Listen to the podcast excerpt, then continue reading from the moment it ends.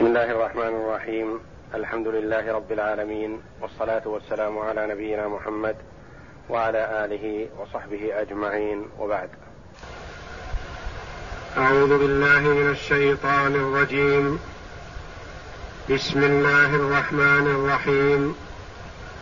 ألف لام كتاب أحكمت آياته ثم فصلت من لدن حكيم خبير. ألا تعبدوا إلا الله إنني لكم منه نذير وبشير. وأن استغفروا ربكم ثم توبوا إليه يمتعكم متاعا حسنا إلى أجل مسمى ويؤتي كل ذي فضل ويؤتي كل ذي فضل فضله. وإن تولوا فإني أخاف عليكم عذاب يوم كبير. إلى الله مرجعكم وهو على كل شيء قدير. تفسير سورة هود. سورة هود من السور المكية. إلا آيات فيها معدودة. قيل آية وقيل أكثر. والآية قوله جل وعلا؟ وأقم الصلاة طرفي النهار وزلفا من الليل. وقيل معها غيرها من الآيات المكية المدنية. والآيات المكية السور المكية تتميز عن السور المدنية في أن السور المكية تعنى بتقرير التوحيد. وتثبيته في النفوس. وإزالة الشرك من القلوب. وإثبات النبوة. وإثبات البعث. والجزاء والحساب والجنة والنار. كما تتميز بذكر قصص الأنبياء عليهم الصلاة والسلام مع أممهم. وأن الله جل وعلا نصر رسله وأيدهم بالمعجزات وأعز من قام بدينه. ودعا إلى عبادته من عباده المؤمنين. وخذل الكفار وأذاقهم العذاب الشديد العاجل في الدنيا قبل الآخرة. ليكون في ذلك عظه وعبرة لمن سمع القرآن. روي أن النبي صلى الله عليه وسلم لما قال له أبو بكر الصديق رضي الله عنه شبت يا رسول الله أو عجل عليك الشيب أو ما الذي شيبك في ألفاظ متعددة؟ قال شيبتني هود وأخواتها. وفي حديث آخر هود وأخواتها الواقعة. والمرسلات وعما يتساءلون والتكوير. وفي رواية ذكر سور أخرى مع هذه السور أو بعضها. وهذه السور التي ذكرها النبي صلى الله عليه وسلم أنها كانت سببا لسرعة الشوب إليه أن فيها أحوال البعث والقيامة والجزاء والحساب والثواب والعقاب والجنة والنار وقصص بعض الأنبياء مع أممهم وما حل بهم من العذاب والنكال والعقوبة في الدنيا قبل الآخرة لمعصيتهم رسل الله.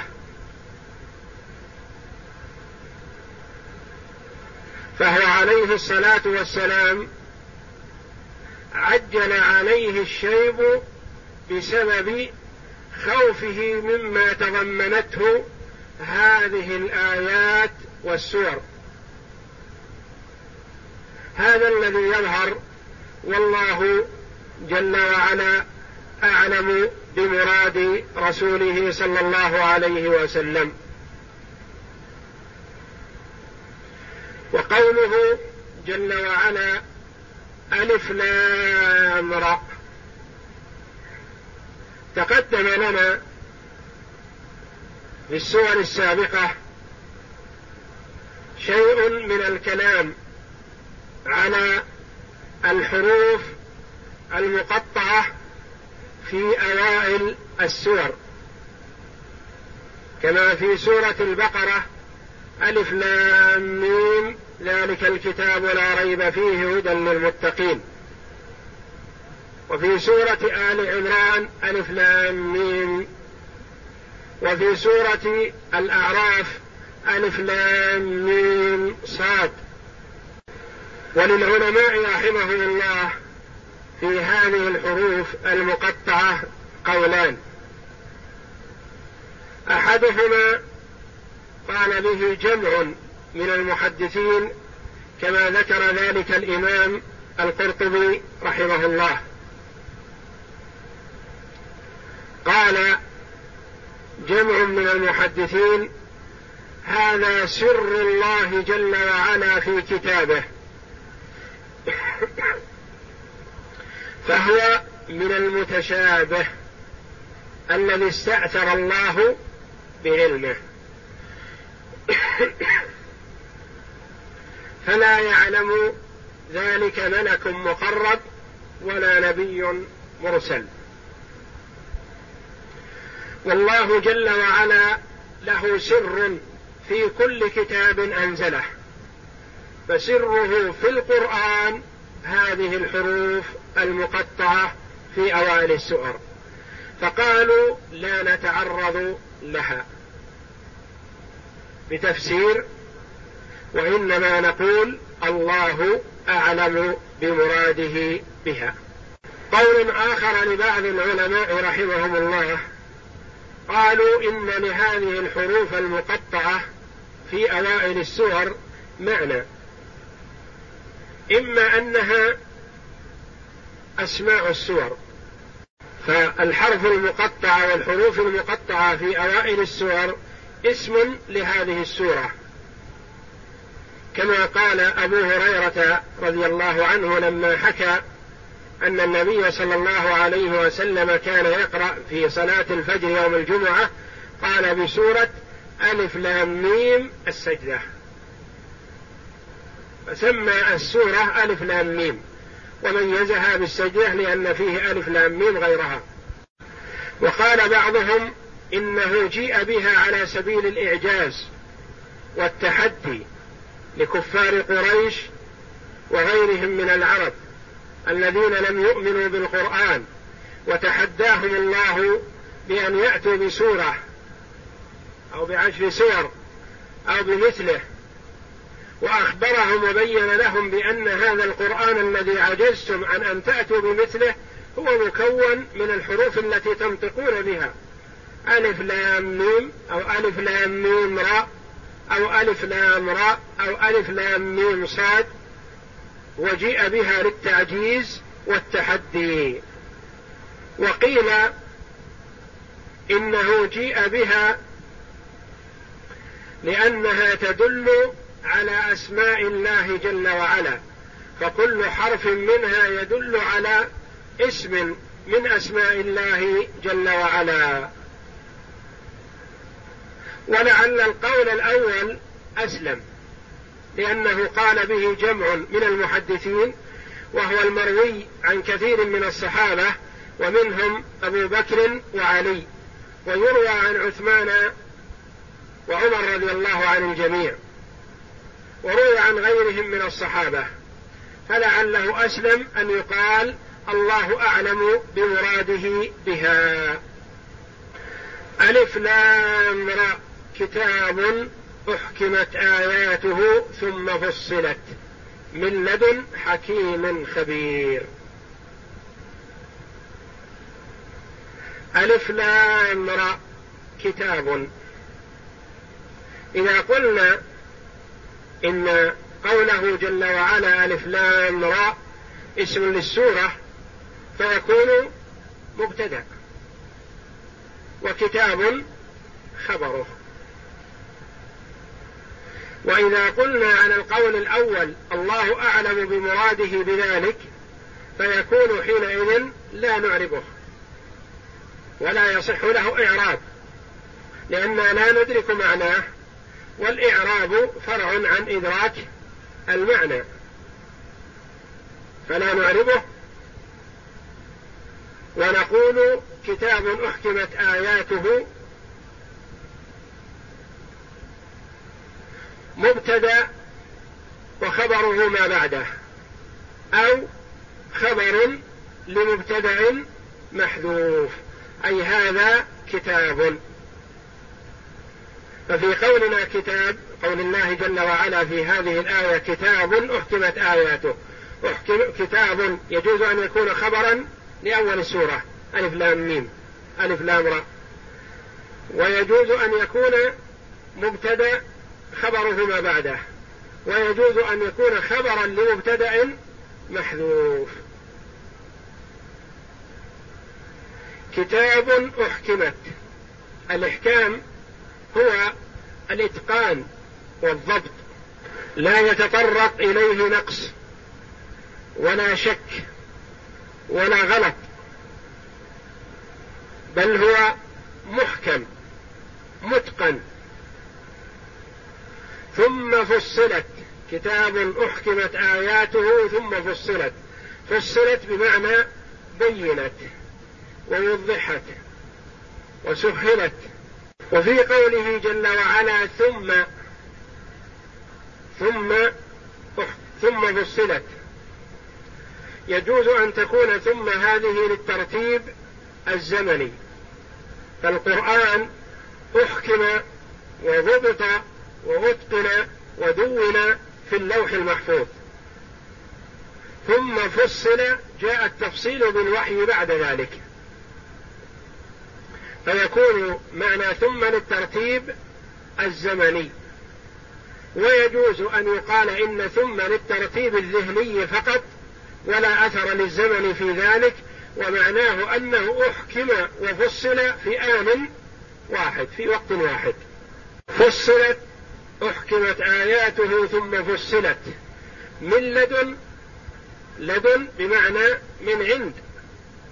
من عند الله جل وعلا لا من عند غيره. وذلك أن القرآن كلام الله جل وعلا تكلم به. والله جل وعلا يتكلم إذا شاء متى شاء على ما يليق بجلاله وعظمته. وصفة الكلام ثابتة لله جل وعلا. وقد تكلم بالقرآن. وتكلم بالكتب المنزلة التوراة والإنجيل والزبور والقرآن.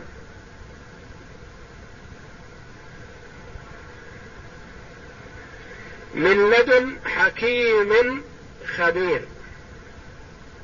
فيه لف ونشر.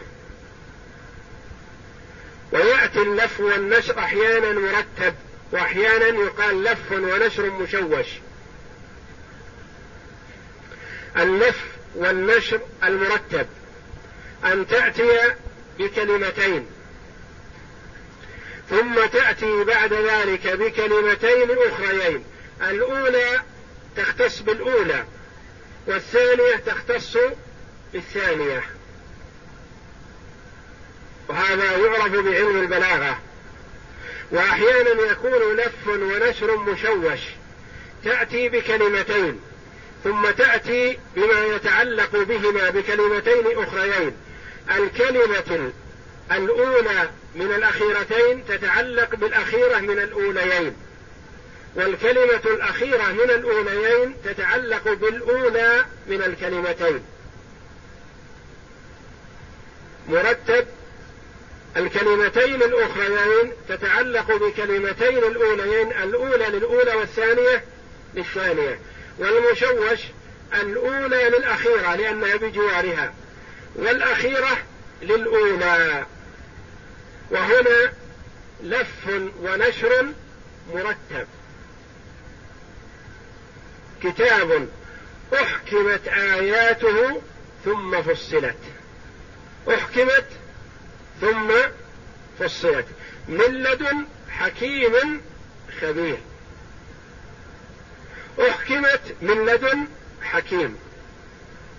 وفصلت من لدن خبير. أحكمت من لدن حكيم. يضع الأشياء مواضعها. حكيم في تصرفه. فلم تحكم ممن هو بخلاف هذه الصفة وإنما هي أحكمت من لدن حكيم. مختص بهذا الشيء والإحكام والإتقان. ثم فصلت قد يكون التفصيل من خبير فينفع وقد يكون التفصيل من من هو بخلاف ذلك فيكون في غير محله. تفصيل في غير محله. فهذا ما يعبر عنه العلماء بلف ونشر مرتب. أحكمت من لدن حكيم. فصلت من لدن خبير. من لدن حكيم خبير وحكيم وخبير صفتان لله جل وعلا على ما يليق بجلاله وعظمته. لا تشابه صفات المخلوقين. ألا تعبدوا إلا الله. ألا تعبدوا قيل هذا الكلام بمعنى المفعول لأجله. جئت بهذا الكتاب المحكم المتقن إليكم من لدن حكيم خبير كأن قائلا يقول لما؟ فيقال بأن لا تعبدوا إلا الله. من أجل أن لا تعبدوا إلا الله. أن لا تعبدوا إلا الله وفي النفي والإثبات ويعبر عنه بالحصر يؤخذ منه أنها لا تصح العبادة لأحد كائنا من كان. لا تصح العبادة إلا لمن؟ لله وحده. أن لا تعبدوا إلا الله. بمعنى لا إله إلا الله. لا معبود بحق سوى الله. أن لا تعبدوا إلا الله. فالله جل وعلا أرسل الرسل وأنزل الكتب وأقام الحجة على خلقه من أجل ماذا؟ أن لا يعبد إلا هو. أن لا تعبدوا إلا الله والعبادة الخضوع والتذلل. وهذا لا يصح إلا لله جل وعلا. إنني لكم منه منه. الضمير في منه يعود إلى من؟ إلى الله جل وعلا. إنني لكم منه نذير وبشير. النذير هو المخوف. المخوف بالشر. والعذاب والبشير المبشر بالخير. فهل يصح أن يجتمع في الشخص أن يكون نذيرا وبشيرا مخبرا بالخير ومخبرا بالشر في آن واحد؟ نعم. منذر لمن؟ لمن عصى الله. يخوف من عصى الله وينذره بالنار. يحذره من الوقوع في النار وأن المعصية سبب لدخول النار. فهذا يقال له مبشر أم مخوف؟ مخوف منذر. ومخبر لمن أطاع الله جل وعلا واتقاه بماذا؟ بالجنة. فهذا يقال له مبشر أو بشير. إنني لكم منه نذير وبشير. منذر من عصى الله ومخوفه من الوقوع في النار ومبشر لمن أطاع الله جل وعلا بالجنة. فرسولنا محمد صلى الله عليه وسلم نذير بشير. وإعرابها إنني لكم منه نذير وبشير. هذه إن واسمها. إنني.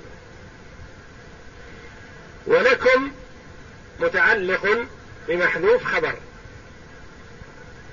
ومنه جار ومجرور متعلق بمحذوف خبر مقدم. ونذير وبشير مبتدا مؤخر. ويجوز أن نقول إنني لكم منه نذير وبشير إنني لكم إنني إن واسمها وجملة ونذير وبشير واقعان خبر لأن لأن خبر إن مرفوع واسمها منصوب. إنني لكم منه نذير وبشير. إنني نذير وبشير. وأن استغفروا ربكم ثم توبوا إليه. أمر من الله جل وعلا لمحمد صلى الله عليه وسلم بأن يأمر من ينذرهم ويخوفهم ويبشرهم بأن يستغفروا ويتوبوا. والاستغفار طلب المغفرة والتوبة الرجوع. اولا استغفر الله عما مضى وارجع إليه في المستقبل. وقيل الاستغفار لما صغر من الذنوب. استغفر ربك لما صغر من الذنوب الصغائر. والتوبة للذنوب الكبائر. لأن التوبة تكفر الكبائر. وأما الصغائر فتكفرها الاستغفار والأعمال الصالحة. وأما الاستغفار بدون توبة فلا يكفر الكبائر فالكبائر تكفر بالتوبة منها. وقيل هما شيء واحد الاستغفار والتوبة.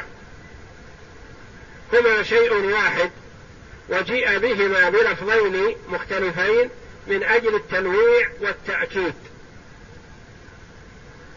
فالمستغفر تائب والتائب مستغفر. ولا يصح أحدهما بدون الآخر. لأنه إذا تاب لا بد أن يكون مستغفرا. وإذا استغفر فإذا كان استغفار صادق فلا بد أن تقترن معه التوبة. وأن استغفروا ربكم ثم توبوا إليه. والاستغفار طلب المغفرة. والله جل وعلا يحب من عباده أن يسألوه المغفرة فيغفر لهم. وهو جل وعلا كما ثبت في الحديث الصحيح عن النبي صلى الله عليه وسلم أنه قال ينزل ربنا كل ليلة حين يبقى ثلث الليل الآخر إلى سماء الدنيا فينادي هل من مستغفر فأغفر له؟ هل من تائب فأتوب عليه؟ هل من سائل فأعطيه؟ وآخر الليل ساعة من ساعات الإجابة ومن أوقات الإجابة. فروي أن أبناء يعقوب لما سألوه أن يستغفر لهم لما فعلوا بيوسف وأخيه أخر ذلك عليه وعلى نبينا أفضل الصلاة والسلام إلى السحر لأنه أحرى للإجابة. وأن استغفروا ربكم ثم توبوا إليه. ماذا يحصل؟ للاستغفار والتوبة أمران عظيمان محبوبان إلى النفس. يحصل بالاستغفار والتوبة سعادة الدنيا والآخرة. كلاهما يحصل بالاستغفار والتوبة. وأن استغفروا ربكم ثم توبوا إليه.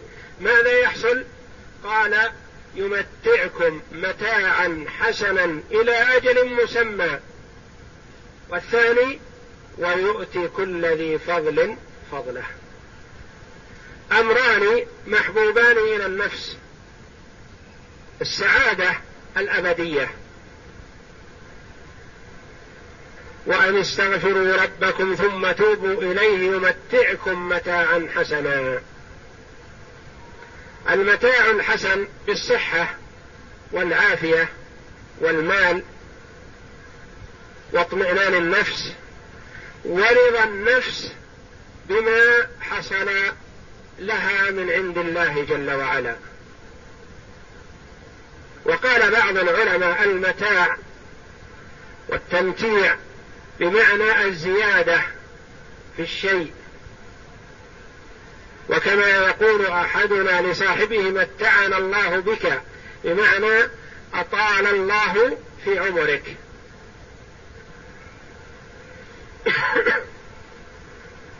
يمتعكم متاعا حسنا إلى أجل مسمى.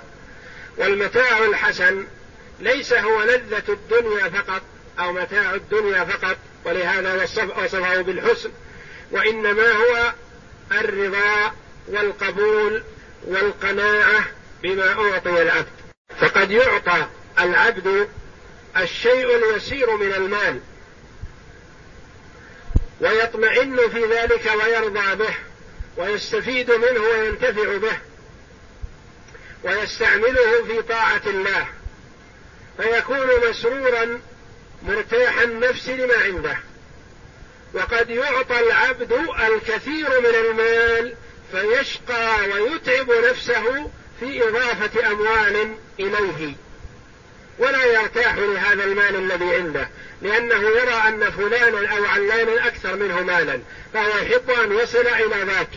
وإذا أعطي بقدر ذاك أحب أن يصل إلى من هو أعلى منه وهكذا. وإذا قنعت النفس بما أعطيت استراحت وإن كان يسيرا. وتطمئن. يمتعكم متاعا حسنا إلى أجل مسمى. الأجل المسمى قيل أجل الموت أو القيامة. يمتعكم متاعا حسنا إلى أجل مسمى. ولعل الأقرب والله أعلم أن يقال أجل الموت لأن كل إنسان يمتع إلى موته ومن مات فقد قامت قيامته. إلى أجل مسمى هذا في الدنيا لأنه محدد. متعكم متاعا حسنا إلى أجل مسمى. ويؤتي كل ذي فضل فضله. الثواب الجزيل والفضل العظيم من الله جل وعلا في الدار الآخرة يوم القيامة. يجازى كل إنسان بعمله أما في الدنيا فقد يبتلي الله جل وعلا بعض عباده بنوع من أنواع المصائب ويدخر لهم في الدار الآخرة الشيء الكثير. وقد يكون المرء مبتلى بالسجن والضرب والعذاب والأذى والجوع لكن نفسه مطمئنة مرتاحة لأنه يعلم أن ما أصابه من هذه المصائب هي في ذات الله جل وعلا. من أجل نصرة دين الله أو من أجل إعزاز كلمة الله أو من أجل الدعوة إلى الله أو من أجل جهاد الكفار أو الوقوف في وجه الأعداء أو نحو ذلك. فهو يتلذذ بهذه المصائب لأنه يحتسب ثوابها عند الله. فقد يكون محبوبا عند الله ومع ذلك هو في شظف العيش. وفي حال الجوع أو السجن أو العذاب كما حصل لبعض الأتقياء الأخيار من هذه الأمة. ويؤتي أما في الدار الآخرة فالله جل وعلا يثيب من أطاعه ويعاقب من عصاه إذا شاء جل وعلا. ويؤتي كل ذي فضل كل صاحب فضل عبادة وطاعة وقربة لله جل وعلا يعطيه من فضله سبحانه. ويؤتي كل ذي فضل فضله. يصح أن يكون الضمير عائد إلى الله جل وعلا يعني يعطيه الله من فضله سبحانه. ويصح أن يكون يعطيه من فضله يعني من عبادته وإحسانه وعمله على قدر ذلك. ويؤتي كل ذي فضل فضله. وإن تولوا تولوا أو تتولوا بمعنى تتولوا يعني تعرضوا. فإني أخاف عليكم عذاب يوم كبير. إن أعرضتم ولم تقبلوا هدى الله ولم تطيعوا الله ولا رسوله صلى الله عليه وسلم فماذا تكون النتيجة؟ فإني أخاف عليكم أتوقع أن يحل بكم عذاب يوم كبير. عذاب يوم كبير. ما المراد بهذا اليوم الكبير؟ المراد به والله أعلم يوم القيامة وسمي كبير لما يحصل فيه من الأمور العظيمة من الفظائع ومن الهول والحساب. ثم يعقب ذلك الجنة أو النار. فسمي كبيرا لما يكون في ذلك اليوم من الأمور العظائم. وقال بعض المفسرين المراد باليوم الكبير هو يوم بدر. يعني يوم كبير يوم من أيام الدنيا. يحصل عليكم فيه العذاب من الله جل وعلا. فإني أخاف عليكم عذاب يوم كبير. إلى الله مرجعكم. لهذا تخويف وفيه تبشير. فيه نذارة وفيه بشارة.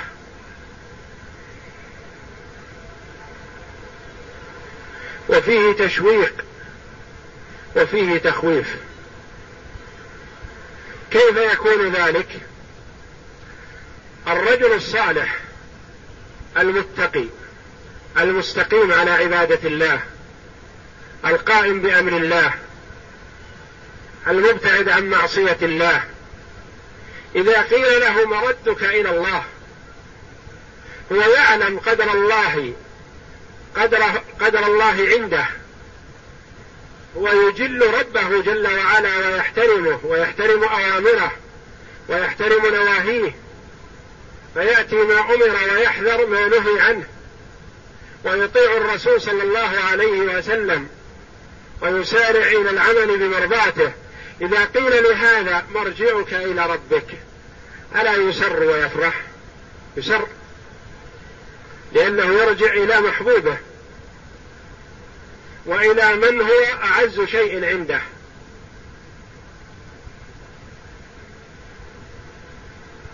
وإذا قيل للفاسق الفاجر العاصي لله المنتهك لمحارم الله مردك إلى الله.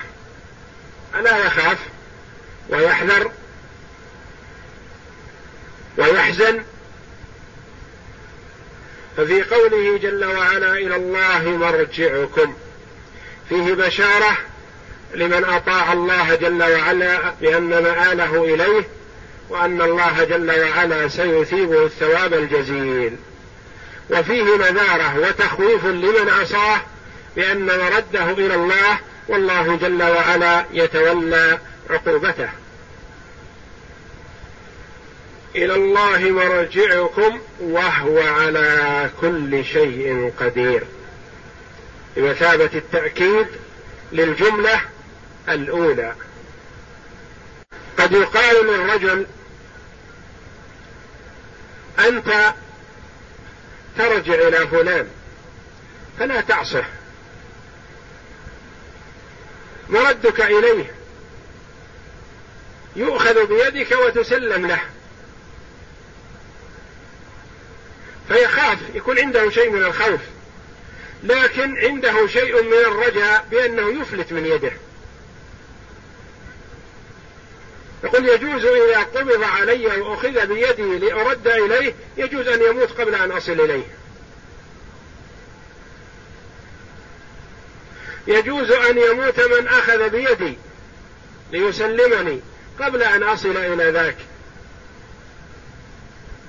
يجوز أن أتخلص منه بشيء. يجوز أن يشفع لي من هو أكبر قدرا. يجوز أن أهرب منه. أستطيع الهروب بأي وسيلة من الوسائل. لكن إذا كان من سترد إليه على كل شيء نكرة. صغير أو كبير. على كل شيء قدير. حينئذ ييأس العاصي من الإفلات. ومن النجاة. ومن البعد. أنت آين إلى من هو على كل شيء قدير. لا تعول إلى إنسان يعجز أو لا يقدر أو قد تفلت من يده لا.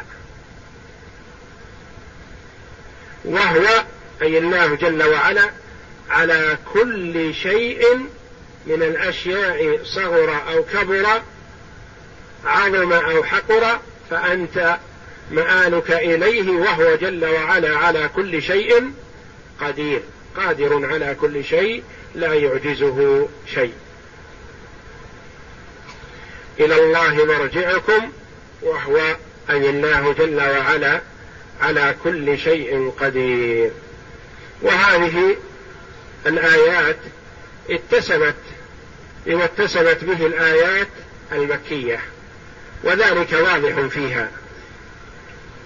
في قوله جل وعلا كتاب أحكمت آياته ثم فصلت من لدن حكيم خبير.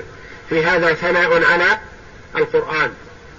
وكثيرا ما يأتي بعد السور المقطعة ثناء على القرآن. وهذا مما استدل به بعض العلماء الذين قالوا إن الآيات الحروف المقطعة في أوائل السور للتعجيز والتحدي وذلك أنه يأتي بعدها غالبا ذكر القرآن. ألف لام ميم. ذلك الكتاب لا ريب فيه هدى للمتقين. وهنا قال ألف لام را. كتاب أحكمت آياته. ما هو؟ القرآن. ففي هذه أول الآية ثناء على القرآن الذي هو كتاب الله جل وعلا وأنه لا يتطرق إليه نسخ ولا يتطرق إليه تبديل ولا يتطرق إليه عيب بل هو محكم مفصل واضح جلي. والإحكام قد يراد به ما يقابل النسخ فيكون المراد الجل أو الأكثر لأن الجل في القرآن والأكثر في القرآن غير منسوخ. وقد يراد به الإحكام غير مقابل النسخ وإنما مقابل الإتقان لأنه بمعنى الإتقان والضبط. فقد ويقال عن الآية إنها محكمة وهي منسوخة بمعنى لا شك ولا ريب فيها. ثم دعا إلى عبادته جل وعلا وحده فقال ألا تعبدوا إلا الله. ثم أثبت الرسالة لمحمد صلى الله عليه وسلم فقال إنني لكم منه نذير وبشير. ثم أمر جل وعلا بالرجوع إليه والاستغفار فقال وأن استغفروا ربكم ثم توبوا إليه. ثم بين جل وعلا ثواب ذلك في الدنيا والآخرة. وعقوبة من أعرض ولم يستجب. فذكر ثواب ذلك فقال يمتعكم متاعا حسنا إلى أجل مسمى يعني في الدنيا. ويؤتي يعطي كل ذي فضل فضله في الدار الآخرة. ثم بين جل وعلا عقوبة من أعرض عن ذلك فقال وإن تولوا تعرضوا فإني أخاف عليكم عذاب يوم كبير. إلى الله مرجعكم. إثبات لماذا؟ للقيامة. والجزاء والحساب والجنة والنار. إلى الله مرجعكم وهو على كل شيء قدير. بسم الله الرحمن الرحيم. قال العماد بن كثير رحمه الله تعالى سورة هود مكية. قال الحافظ أبو يعلى حدثنا خلف بن هشام البزار حدثنا أبو الأحوص عن أبي إسحاق عن عكرمة قال قال أبو بكر سألت رسول الله صلى الله عليه وسلم ما شيبك؟ قال شيبتني هود والواقعة وعما يتساءلون وإذا الشمس كورت. وقال أبو عيسى الترمذي حدثنا أبو كريب محمد بن العلاء حدثنا معاوية بن هشام عن شيبان عن أبي إسحاق عن عكرمة عن ابن عباس رضي الله عنهما قال قال أبو بكر يا رسول الله قد شبت قال شيبتني هود والواقعة والمرسلات وعما يتساءلون وإذا الشمس كورت وفي رواية هود وأخواتها وقال الطبراني حدثنا عبدان بن, أحمد حدثنا حجاج بن الحسن حدثنا سعيد بن سلام حدثنا عمر بن, محمد عن أبي حازم عن سهل بن سعد قال قال رسول الله صلى الله عليه وسلم شيبتني هود وأخواتها الواقعة والحاقة وإذا الشمس كورت وفي رواية هود وأخواتها وقد روي من حديث ابن مسعود نحوه.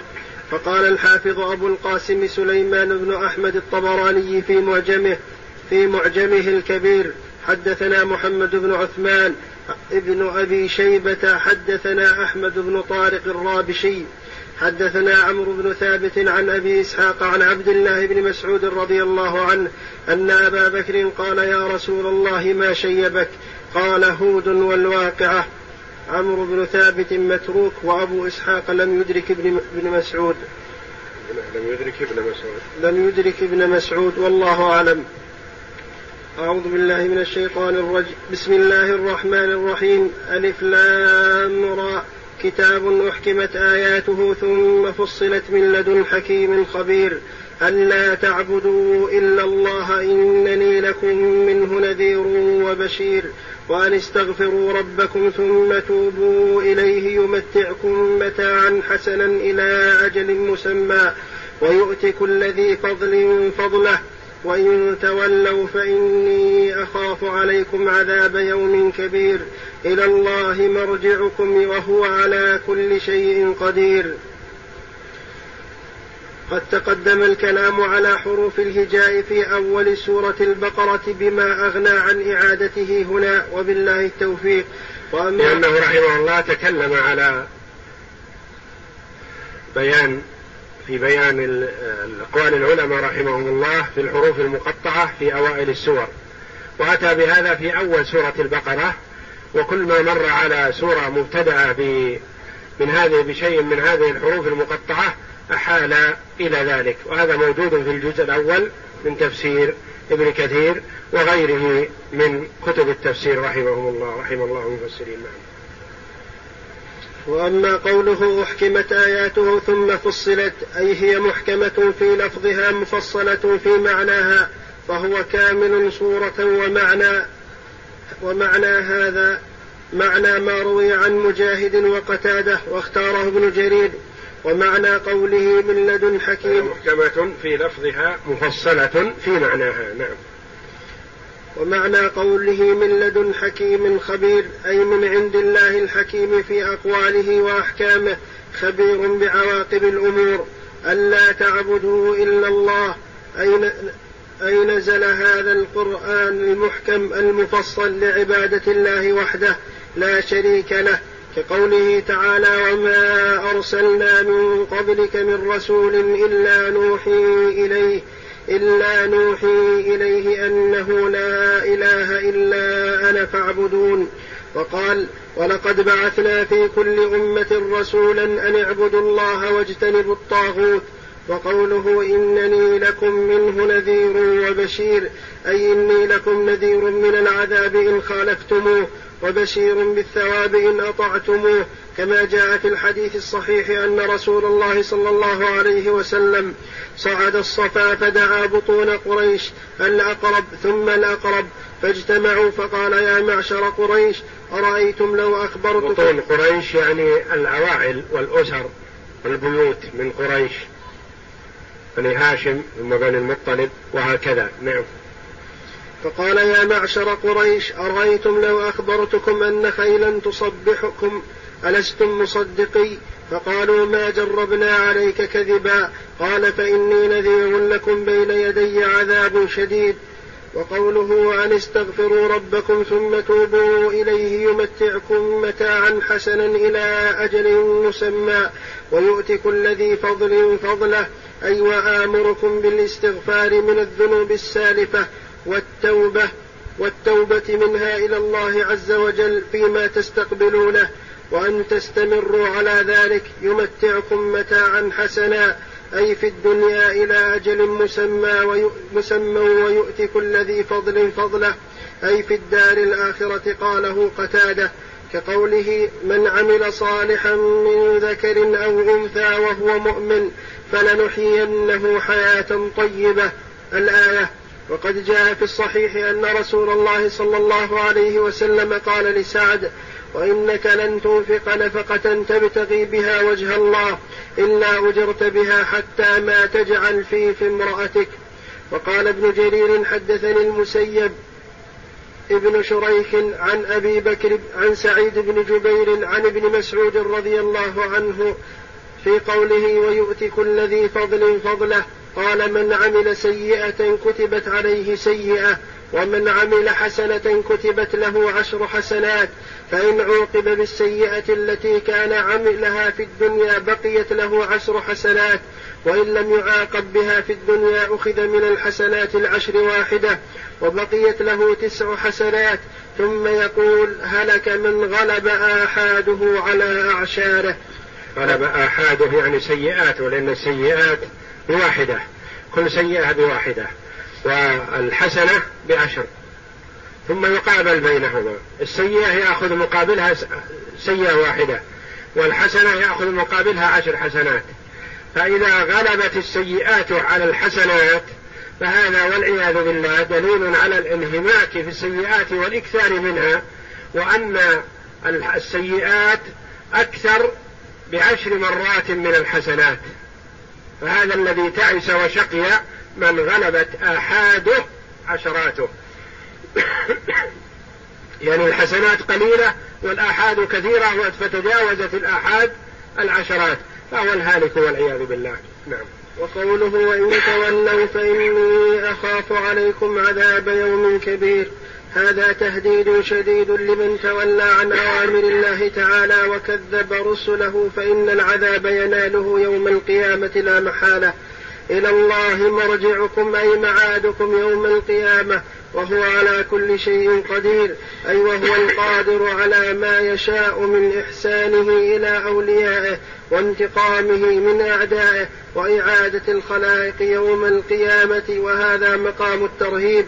كما أن الأول مقام ترغيب. والله أعلم وصلى الله وسلم وبارك على عبد ورسول نبينا محمد وعلى آله وصحبه أجمعين.